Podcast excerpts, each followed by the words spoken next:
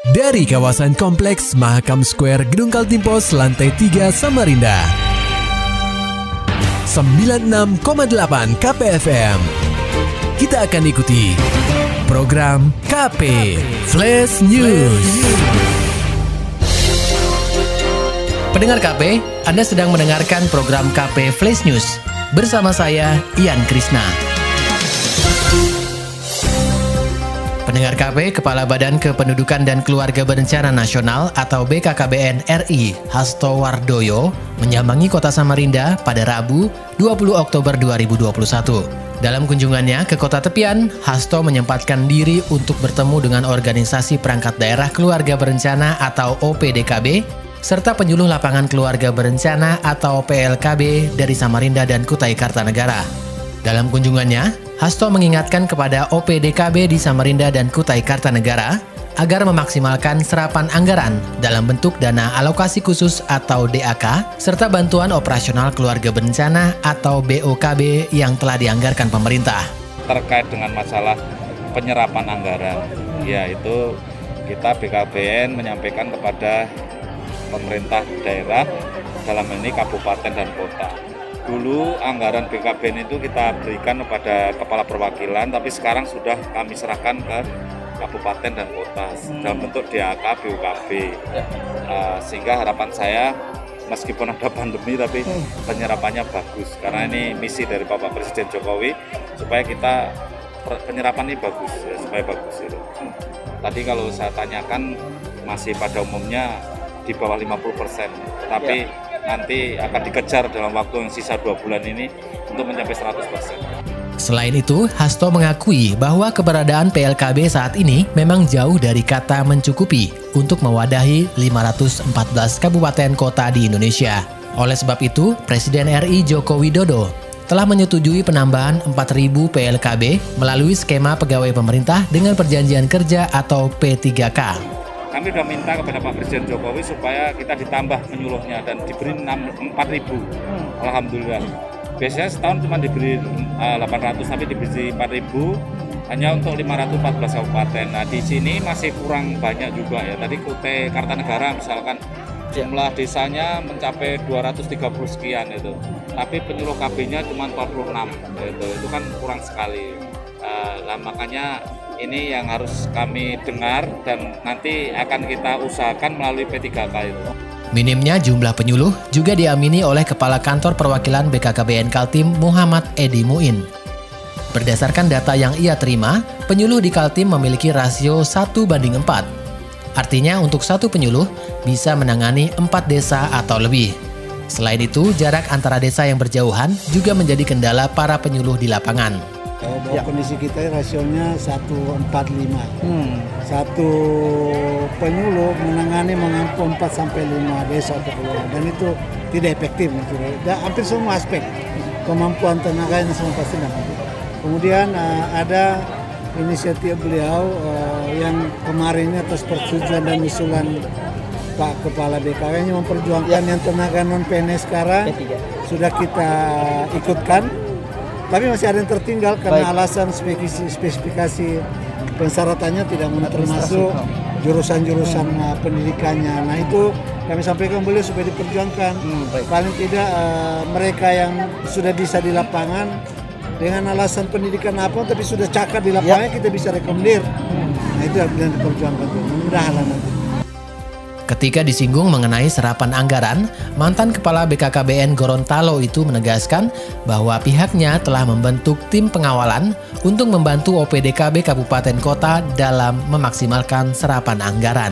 Edi berharap dalam kurun waktu dua bulan, OPDKB di kabupaten atau kota bisa memaksimalkan serapan anggaran hingga 100%. Beralih ke berita lain pendengar KP, total transaksi meningkat industri pernikahan mulai bangkit melalui Big Wedding Festival. Laporan selengkapnya akan disampaikan reporter KPFM Samarinda, Muhammad Nur Fajar.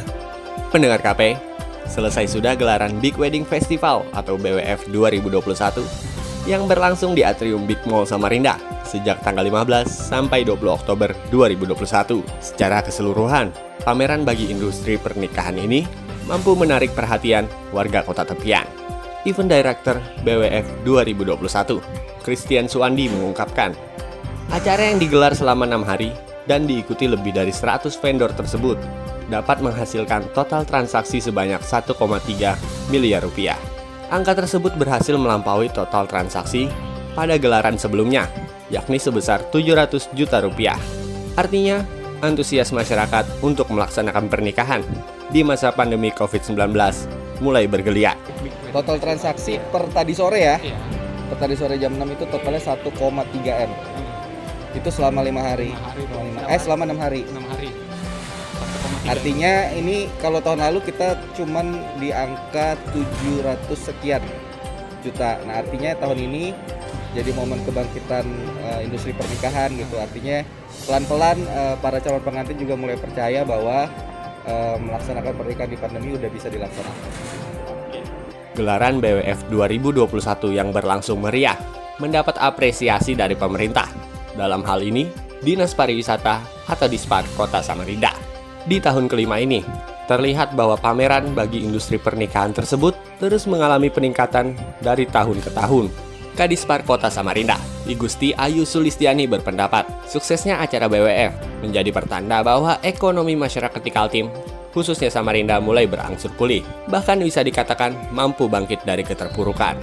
Selain itu, kegiatan ini juga menandakan bahwa kreativitas anak muda di kota tepian tidak kalah dari daerah lain.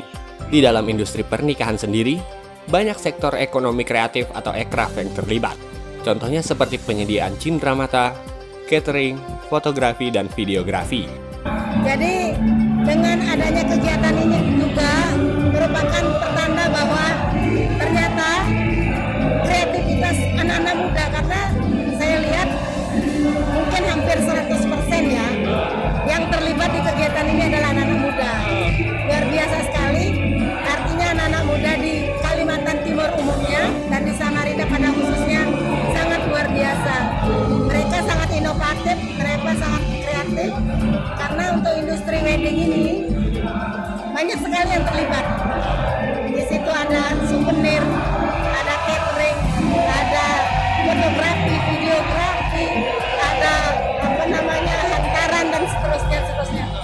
Banyak sekali yang terlibat dan ini menandakan bahwa ekonomi kreatif di Kalimantan Timur berkembang dengan baik. Meski begitu, Ayu berpesan kepada masyarakat agar tidak terlalu berpuas diri dan tetap menerapkan protokol kesehatan atau prokes dengan ketat.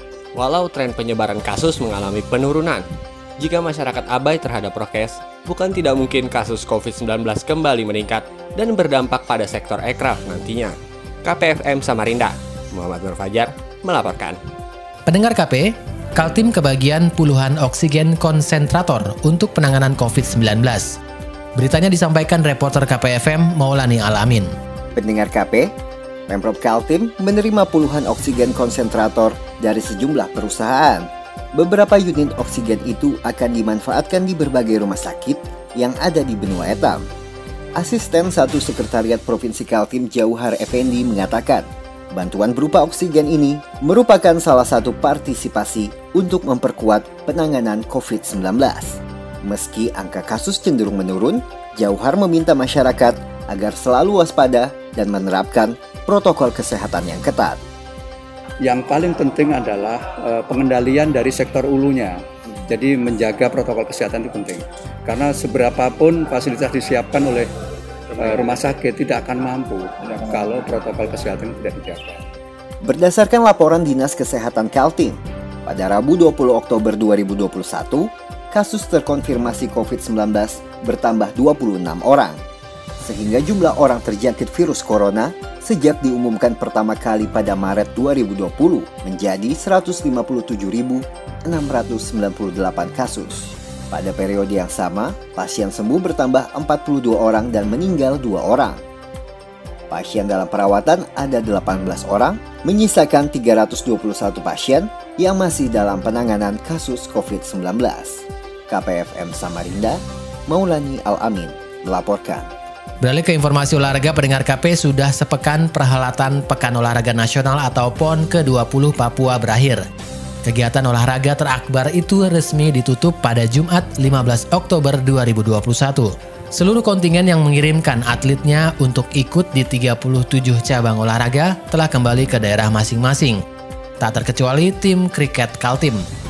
Usai hajatan olahraga terbesar di Indonesia itu, Pengprov Persatuan Kriket Indonesia, Kaltim, telah menyiapkan berbagai program untuk mengevaluasi atlet yang tampil di PON. Diketahui pendengar KP, dari sejumlah nomor tanding yang diikuti, tim kriket Kaltim hanya mampu merebut medali perak pada kategori 20s. Kaltim kalah dengan Bali di laga final, sedangkan di nomor Super 8, skuad benua hitam membawa pulang medali perunggu. Kendati demikian, Sekretaris Pengprov PCI Kaltim Budi Iriawan mengatakan, prestasi anak asuhnya saat berlaga di Papua lebih baik ketimbang pada edisi PON ke-19 di Jawa Barat 2016 lalu.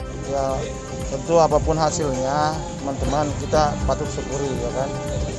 Ada anak-anak kita atlet kita sudah berusaha maksimal. Mereka eh, kelihatan kan setiap selama di Papua ini mulai sukses. Mereka tersisi di penyisihan tidak masuk semifinal. Kemudian mereka lakukan evaluasi lanjut ke Super 8 walaupun hanya bisa mendapatkan medali perunggu sudah masuk dalam medali lanjut 20 eh, sampai hari ini mereka berhasil meraih medali perak. Sementara itu, Kapten tim kriket Kaltim, Yuliana, mengakui kehebatan tim Bali. Kaltim kalah dengan skor 97-98 dan masih menyisakan sekitar 30 bola. Ini udah performa terbaik dari kita. Ini pertandingan maksimal kita, apalagi lawan Bali juara bertahan kan. Inilah pertandingan terakhir kita yang lebih maksimal lah. Maulani Alamin, Muhammad Nur Fajar, KPFM Samarinda. Dapatkan berita-berita lainnya di www.968kpfm.co.id. Demikian tadi telah kita simak rangkaian berita-berita yang terangkum dalam program KP Flash News. Persembahan dari 96,8 KPFM. Terima kasih dan sampai jumpa.